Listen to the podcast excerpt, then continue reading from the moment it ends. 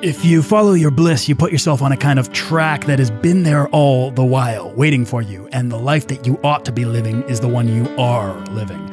Follow your bliss and don't be afraid, and doors will open where you didn't know they were going to be.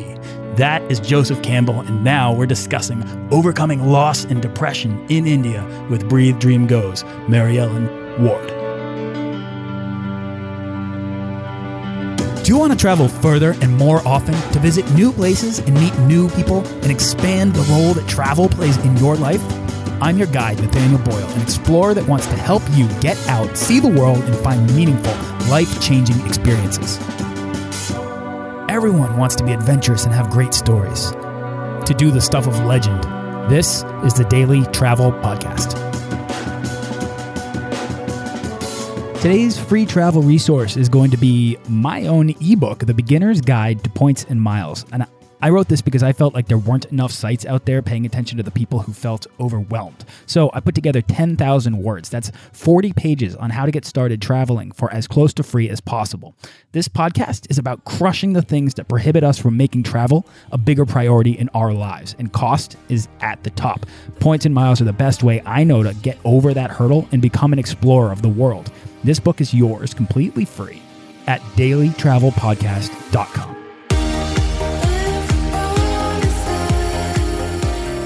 Mary Ellen Ward is an award winning travel writer, content marketer, and social media consultant, and the founder of Breathe Dream Go, one of the leading travel blogs about India.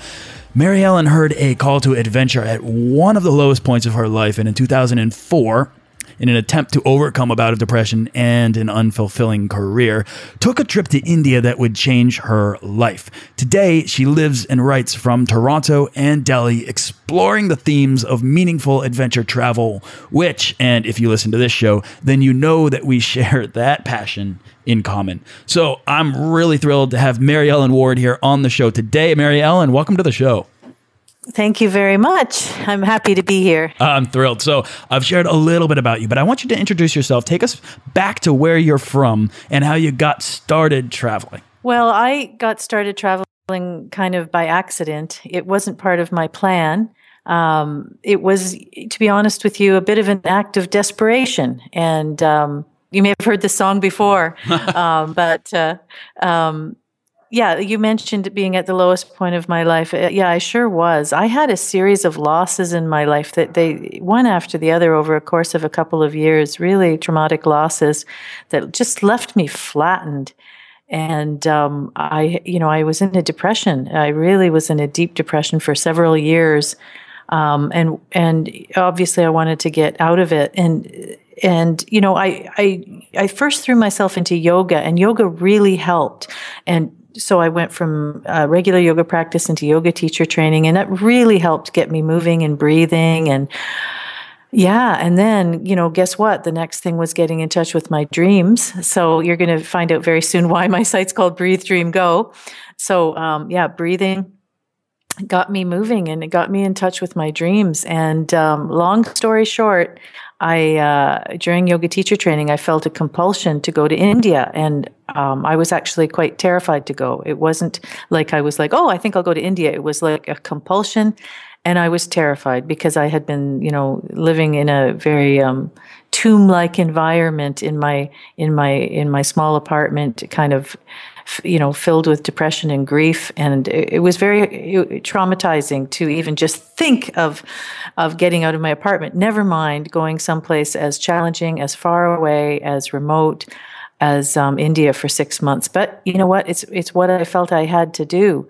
So, um, you know, I don't know if listeners, how many listeners have had a have had a a call of uh, like this, like a, it's almost like a voice calls you um, and it certainly it never happened to me quite like this before or since. It's really the one time in my life where it was like, the, you know, the commanding voice from above. I don't want to get into any biblical uh, imagery here, but um, but it was, uh, you know, it was just like this. You, you, you know, I, I, I can't even explain it. It was bigger than me, Mary Ellen. You have to go to India. You know, you just and when you get a call like that, even if it's terrifying you, even if you don't want to go, you have to do it. You have to respond. I mean, you you know, to not do it would be to commit slow, you know, slow suicide because it's like life is calling you. Um, and so, even though I was honestly, you know, this is no joke, I was terrified. People, you know, who think that it was an easy thing for me to do, um, it wasn't. And it took me a, almost a year, uh, eleven months, to plan, to save the money, um, to get ready, and to finally actually nine years ago tonight get on the plane. It's at, it's actually nine years ago, not ten. It's nine years ago tonight. I got on the plane in Toronto. Um, I had a ticket dated six months later to return, June second, and I had zero idea of what was going to happen to me or what India would be like. You have to understand, I wasn't a backpacker. I had never done anything like this before in my life. Never and th- and it was like going from into the deep end of the swimming pool. I got on that plane with knowing no one in India except one acquaintance who I hadn't seen in 14 years, and a few plans, but a lot left open. And I just jumped. I literally jumped off the cliff, as they say, as the metaphor goes. I jumped off the cliff nine years ago tonight. Mary Ellen, let me let me uh, really dive into exactly what prompted this particular decision. I mean, I think the, the call to adventure is something that so many of us hear. It's that desire to wring more out of life, right? Um, but in, in my case, it was like saving my life. Oh, interesting. It was sa- it was saving my life. It's a, a little bit different. Can you explain it's that? A, uh, you know, it's on a continuum. Yeah, I mean, I was in a huge depression. I was in a rut. I felt like my life was over. That was it. And if I didn't, so I got this call, to, the call to adventure, as you say, who, which my, my favorite writer, Joseph Campbell, talks about, by the way, the call to quest, personal, um, the hero's journey. So I got the call. And honestly, I felt if I hadn't responded to that call, my life would have just, you know, I would have just ended up what, on Prozac you know, going to bingo. I don't know. Like I would, nothing against bingo, but you know what I mean? I don't know what would have happened to me. I, I, I, hate to think about it. Like I think I would have just died a slow death. I think by responding to the call to travel, I really, I am not overstating it. I feel I was saving my life. So where was your life at the, at the point then when you were picking it up? I mean, I know that you had experienced, um, some degree of loss and that there is this proximity to mortality that can serve as a motivator to grab life and get more from it. And I think it creates an awareness of that sense of existential urgency that we too easily suppress on a day to day basis, right? That's a very astute point. And I'm really glad you said that. Um, part of, I mean, the two biggest losses I experienced, but they weren't the only ones. But in the in the short space of a couple of years, I lost both my parents um, separately. My mom died of heart failure, and my father died of cancer. And uh, my mom's death, especially, was extremely traumatic for me for various reasons. Um, and yeah, when you don't, when there's nothing, there's when you don't have your parents, like that, you know, when there's nothing in front of you, basically, except like you say, mortality. When there's when you're the next in line, you're the next generation facing, you know, um, infinity. Um, it does, in my case anyway, and many people, I'm sure, put a fire under you. It just makes you, it was like, if I don't start living my dream, and also I was in my 40s, I wasn't, you know, a spring chicken. If I don't start living my dreams now, when am I going to do it? You know, my parents are gone. Um, I'm facing, I, I don't have anybody in front of me that's blocking the view to the, you know, mortality issue. And um, I, I'm, you know, I'm over 40. If I don't start living my dreams now, when am I going to do it? It's like now or never. So there's on a number of levels, I felt I was saving my life. I think that's really interesting. And then it was you were already into yoga at the time, and you were training as a teacher, right? So was it the was it the pre-existing interest and and uh, pre-existing interest in yoga that led you to choose India? Because India, I mean, talk about making a big decision for somebody who's untraveled. You were clearly looking to uh, not just travel, but to really get out of your comfort zone and shake things up. Yeah. Yeah, yeah, yeah. Well, you know, it's funny. It's funny. Again, I'm I'm wondering how many listeners would uh, would relate to this. But sometimes, um, oh, there's a saying that uh, which I can't recall exactly how it goes, but just it, uh, something about how when you look back at your life, you see the connections and you see the patterns, which you can't see when you're in the middle of it. So, of course, I went to India, um, and uh, and then you know slowly realized, oh my God, I've wanted to go to India my whole life, but again, you know, suppressed it for various reasons. Um, we all think we have to conform to life, and we, you know, I have jobs we hate and lives we hate sometimes, um, and our dreams get buried, and that's what happened to me. But when I started, um, you know, re- reconnecting to my dreams, I realized all, you know, all these dots got connected. And then I realized going back and back and back and back, oh my God, I've always wanted to go here. When I was 17 years old, and this was quite a long time ago, I went to see Ravi Shankar. Like what 17 year old goes to see a sitar player from India, you know? And I remember my friend and I, we had to travel a long ways out of town to a different town to go, like I, you know, and I can also remember being a child and I had an older brother who was fat, just, just obsessed with the Beatles. He loved the Beatles. And I remember seeing seeing those pictures of um, the Beatles, especially George Harrison, who I had a massive crush on, um, in Rishikesh with the with the um, you know marigolds around his neck, and, and, of course he was the first Western musician to bring um, Indian music and sitar music right. into pop music, and I just I was just mesmerized.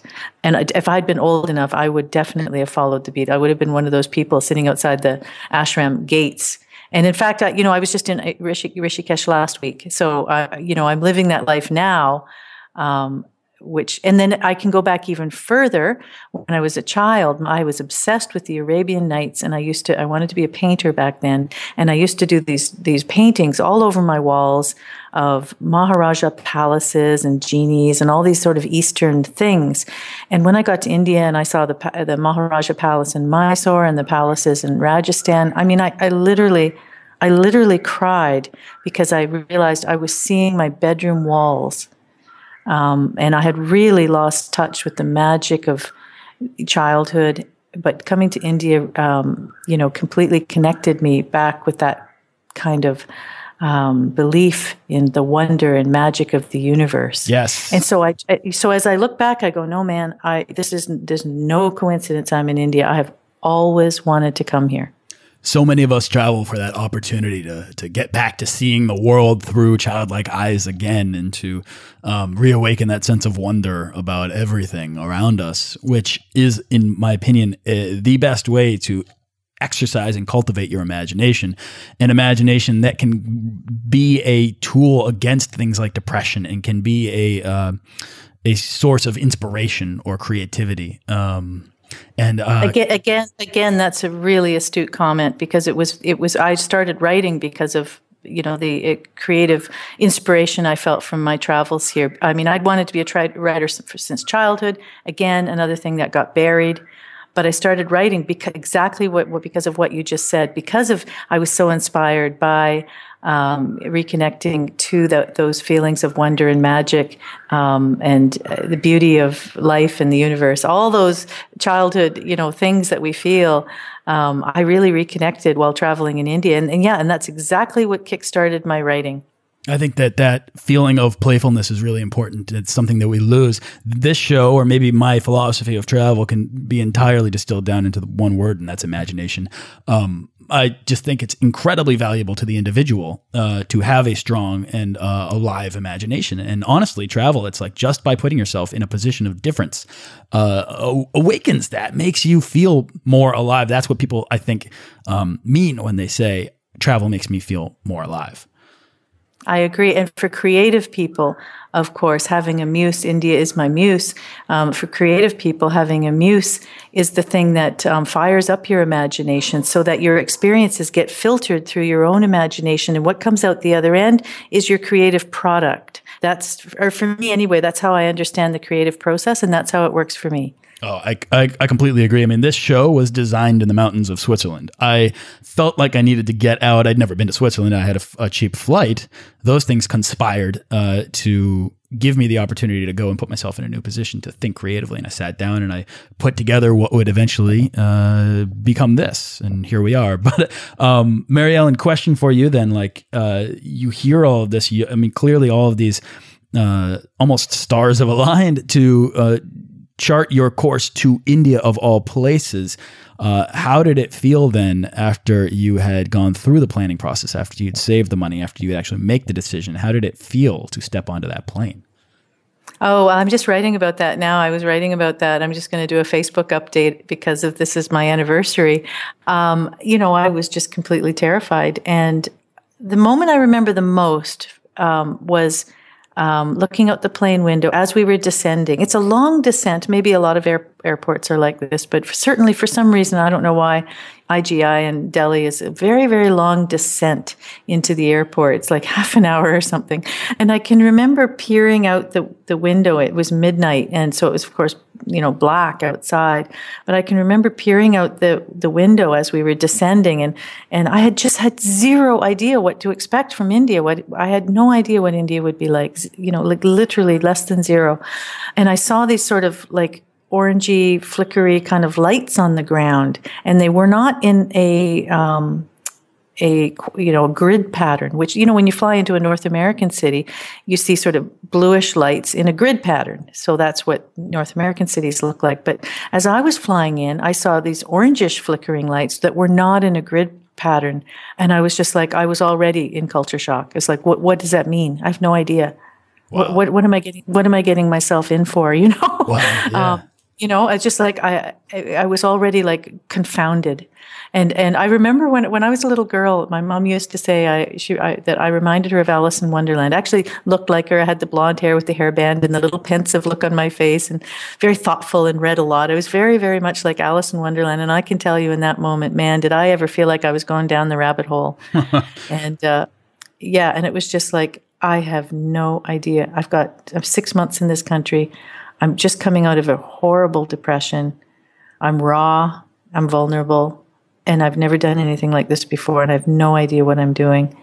I mean, it's a peak moment. It's never going to happen again. It sounds as if before you arrived, you had this suspicion of purpose, but you hadn't actually discovered it quite yet. I mean, it's kind of like Alice chases the rabbit, but she doesn't know what she's in for. She just she just knows that's the right decision to, to do. It turns out, and I didn't know any of this at the time, that I actually had the right attitude for the trip. I, I by luck or chance or whatever. Oh my, I'm so grateful. You have no idea. Blessed. I just feel so blessed. But for some reason, I was arriving in India with uh, really the right attitude. I had the attitude of being on a quest.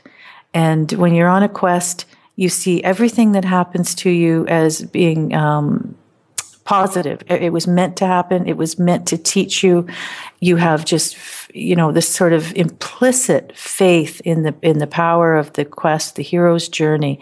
But and I had all of these things, but I didn't know it. It was it was not at a conscious level at all. So people have often uh, been amazed and sometimes critical. I do get slammed on uh, uh, online for having such a positive, especially that first six months. I had such a positive experience traveling in India. And of course, I had challenging things happen. I had Delhi belly, I had train delays like everyone else. But it, it, was, I felt so alive and I felt so buoyed up by the quest and by, I was so, I've never been so alive. I've never been so in the present moment. And I've never been carried along by that, by that whole, um, you know that whole rhythm that whole attitude of being on a quest uh, you know i've often described it as i felt like i was on a magic carpet ride. And and some people you know they literally you know i'm uh, maybe the more cynical i don't know i have no idea but some people you know are very suspicious you know of my experience. Mm. why would and, they be suspicious yeah, I, I don't even know. I don't think that way, so it's hard for me to understand. But I have sometimes been criticized for, um, you know, glossing over the social issues of India or the challenges of India. It's not that I didn't see them; it's just that for me, everything was about seeing the world, coming alive, not filtering it, not judging it. I wasn't judging anything. I was just seeing it. Okay, that's how that is. Um, this is part of life. Um, I was just open, you know, and I wasn't judging. So I didn't. I didn't come away um, writing, you know, critical or damning or judgmental stories about how India handles um, poverty or you know animal cruelty or things like that. That's not why I was here. Does that criticism at all fuel your work to continue to explore and to continue to sort of share your um, zest for not just zest for life, but also like the things that you were actually discovering. I mean, I would think that if someone's saying that's not right, that's not true, you would the response would be to just show more. Yeah, definitely. I have a I have a teacher. I go to an ashram in India, and he talks about how these these um, um, more negative or hostile experiences, they they can they can strengthen our aspiration, you know. and uh, that's travel yeah, right no, there, I mean, right? Yeah, yeah. So I, I, so no, I have a voice. I have a I have a specific voice. I have a, a mission in life. You know, I'm I'm a long long time yoga student, so I concentrating on the positive is very important to me. Sharing positive things, like if you look at almost you know 100 percent of what I share it's positive in some way. Even if it talks about a negative issue, a social issue or whatever, I try to do it in a positive way. Like, like let's look at this good news story or let's look at this solution or um, let's, you know, empower these women. I, I, I am often writing and talking and sharing stories about um, uh, women's issues and women's rights. But I always try to do everything in a positive way. You know, I share photographs that I think are very beautiful and uplifting. I, am you know, it's it's just it's just me. It's my nature. It's my mission. It's my um, my thing is to you know to try to uplift people, and um, um, you know, I have a degree in journalism. I could easily have gone that route. Um, uh, of being a, a, journalist and you know doing investigative pieces but it's that's just not not who I am or what I'm about or what I think I'm here for. Not that that's not valuable. It's very valuable the work of journalists. I have a high regard for the for the great journalists. Uh, it's just it's just not the path. It's not my path let me ask you then what you are there for, because I think when you originally went, you had this sense of chasing yoga and an interest in yoga, and you were also clearly chasing your own story to try to um, uplift it a bit. But you also built some purpose into the trip by working with Tibetan refugee children in mm-hmm. Dharamsala, right? Mm-hmm. Yeah. So the the two I had two things planned when I came for that first six months trip. Um, one of them was a six month, um, or pardon me, a one month yoga course in um, South India um, which was excellent. And the other one was uh, um, a one month um, volunteering um, gig in uh, Dharamshala working with Tibetan refugee children. Those were already set up and the dates were set. And I, and then I built the trip kind of around that. And then with, with free time in between to figure, just to go with the flow, which was really important to me too. I needed to be able to do that as well. Um, to follow follow follow my bliss as joseph campbell would say like just to follow whatever whatever happened. And that turned out to be a really good structure. I i, I recommend that. I mean i think um, that's a really good thing to do. And um, yeah so um, i mean they were just all really good experiences. Even the bad experiences were good experiences um, it was it was it was all well. As my, there's a sign in my ashram that I go to. It's a, a huge sign, pan, painted sign. It says "All life is yoga," and that's exactly the feeling I had on that trip. It you know it really was a spiritual quest, in the sense that um, um, I was right on the edge. I didn't even know 100 percent would I even live through the six months. I didn't know what would happen, and um, I had no plans you know, I was coming back to Toronto June 2nd, 2006, and had zero plans for what would happen on June 3rd. I had no, I had no um, more money in the bank. I used my whole budget for my trip. I didn't have a place to live. I didn't have a job lined up. I was, I really did throw myself off the cliff. You know, you mentioned that your life at that point, though, had become a quest, and uh, you'd left behind this depression and this career to pursue a dream. And what you found over there was a sense of purpose or a quest. Um, and I want you to kind of try to define that quest because I think it's so easy for people to feel lost when they're wandering, right? And uh, even if that's the point, if the point is to get lost to try to find something new, uh, I, I, it's different for everyone. So I'm just curious. Can what was your quest? Was it something in particular, or was it a way of living that you suddenly realized had become this reality? I've described it in a couple of different ways, um, and one of them using a using a well-worn metaphor is about you know throwing yourself off the cliff to see if a a net would appear. Right. So um, wanting to needing to have my faith in the universe renewed. Of course, the net did appear. Um, and then, you know, at a certain point, I realized, not right away, but it took me some time to realize that the net that appeared was me. I was the net.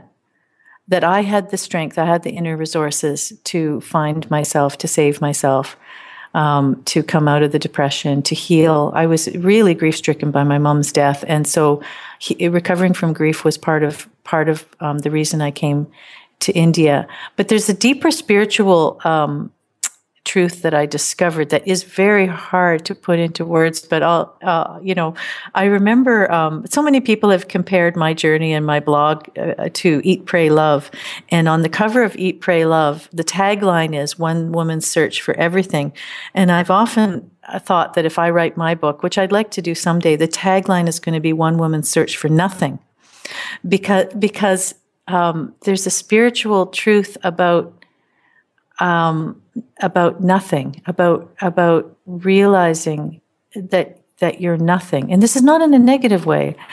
Uh, realizing that you're you're you yourself are nothing, and that you're part of something that is much much bigger than you. You're part of the you know some people call it universal consciousness the divine. There's different words to describe it but I kind of plugged into that when I was in India, and it it, uh, it just expanded my consciousness.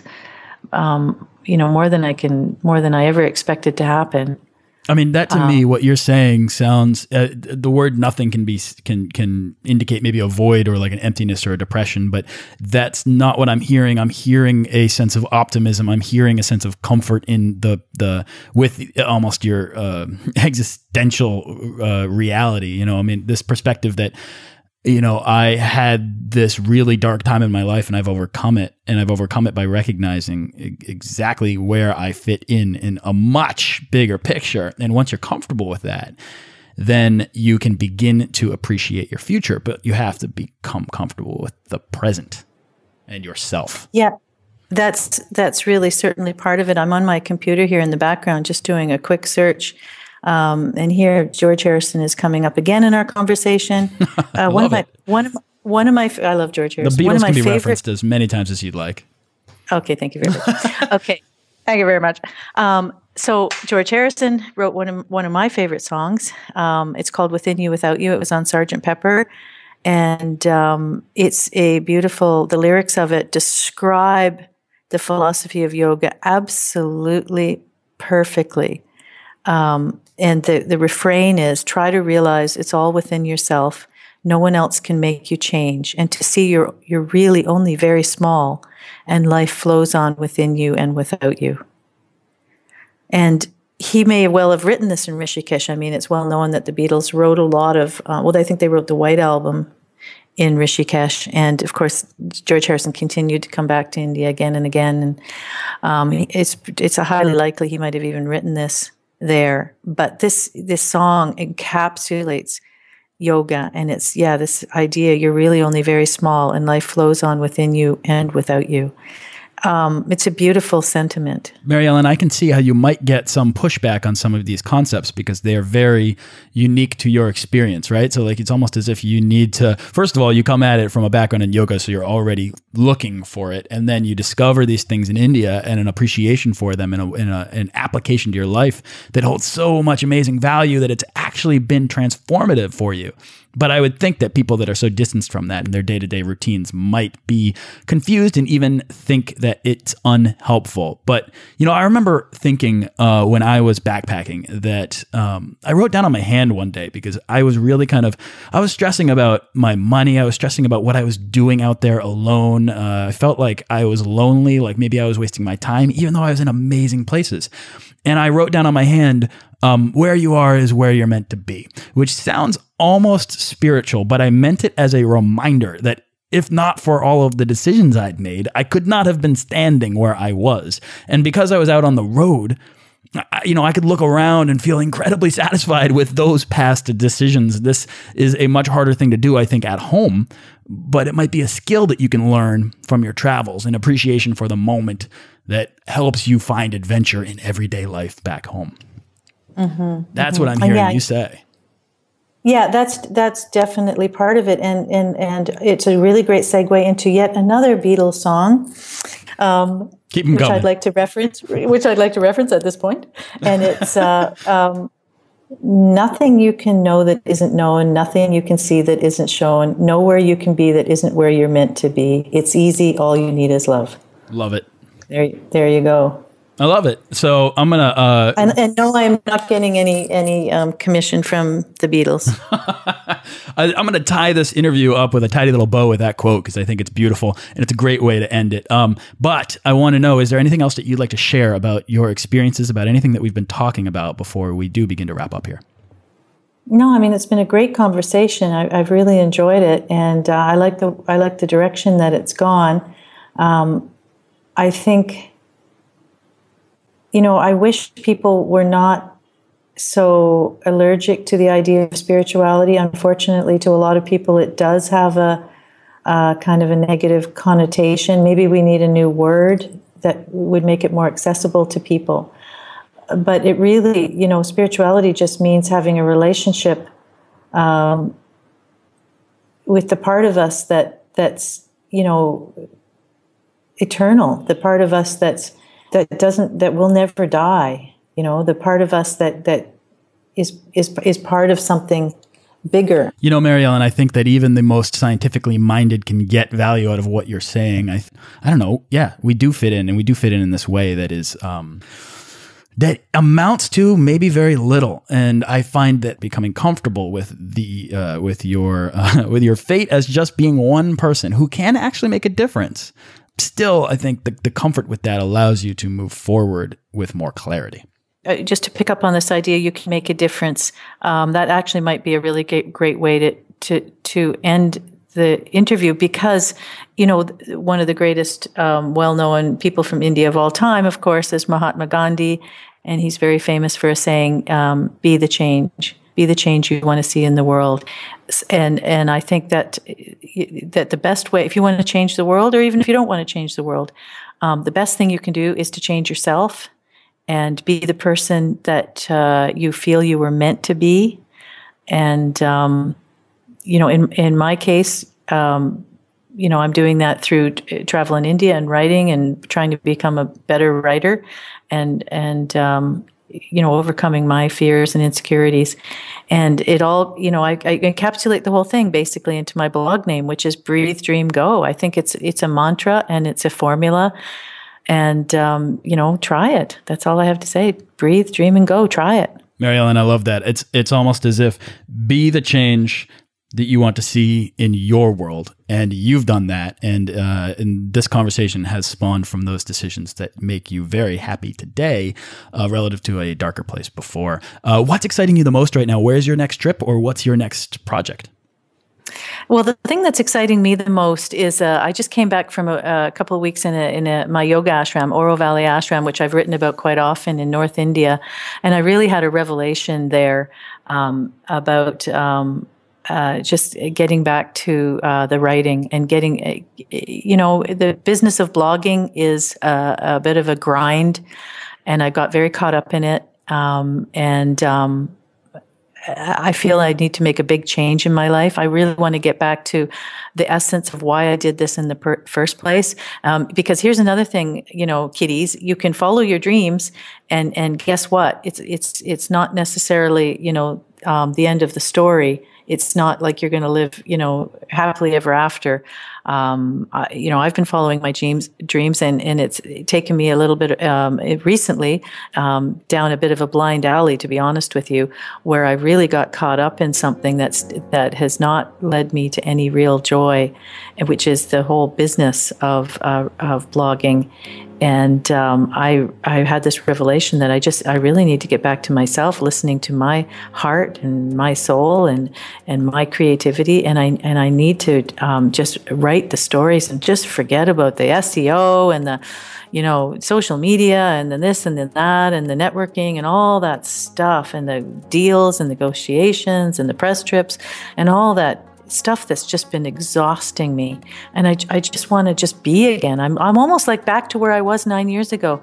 I just need to just be. I need to be out in the world and I just need to be and I need to let it inspire me and I need to write from my heart and just put aside all those other considerations.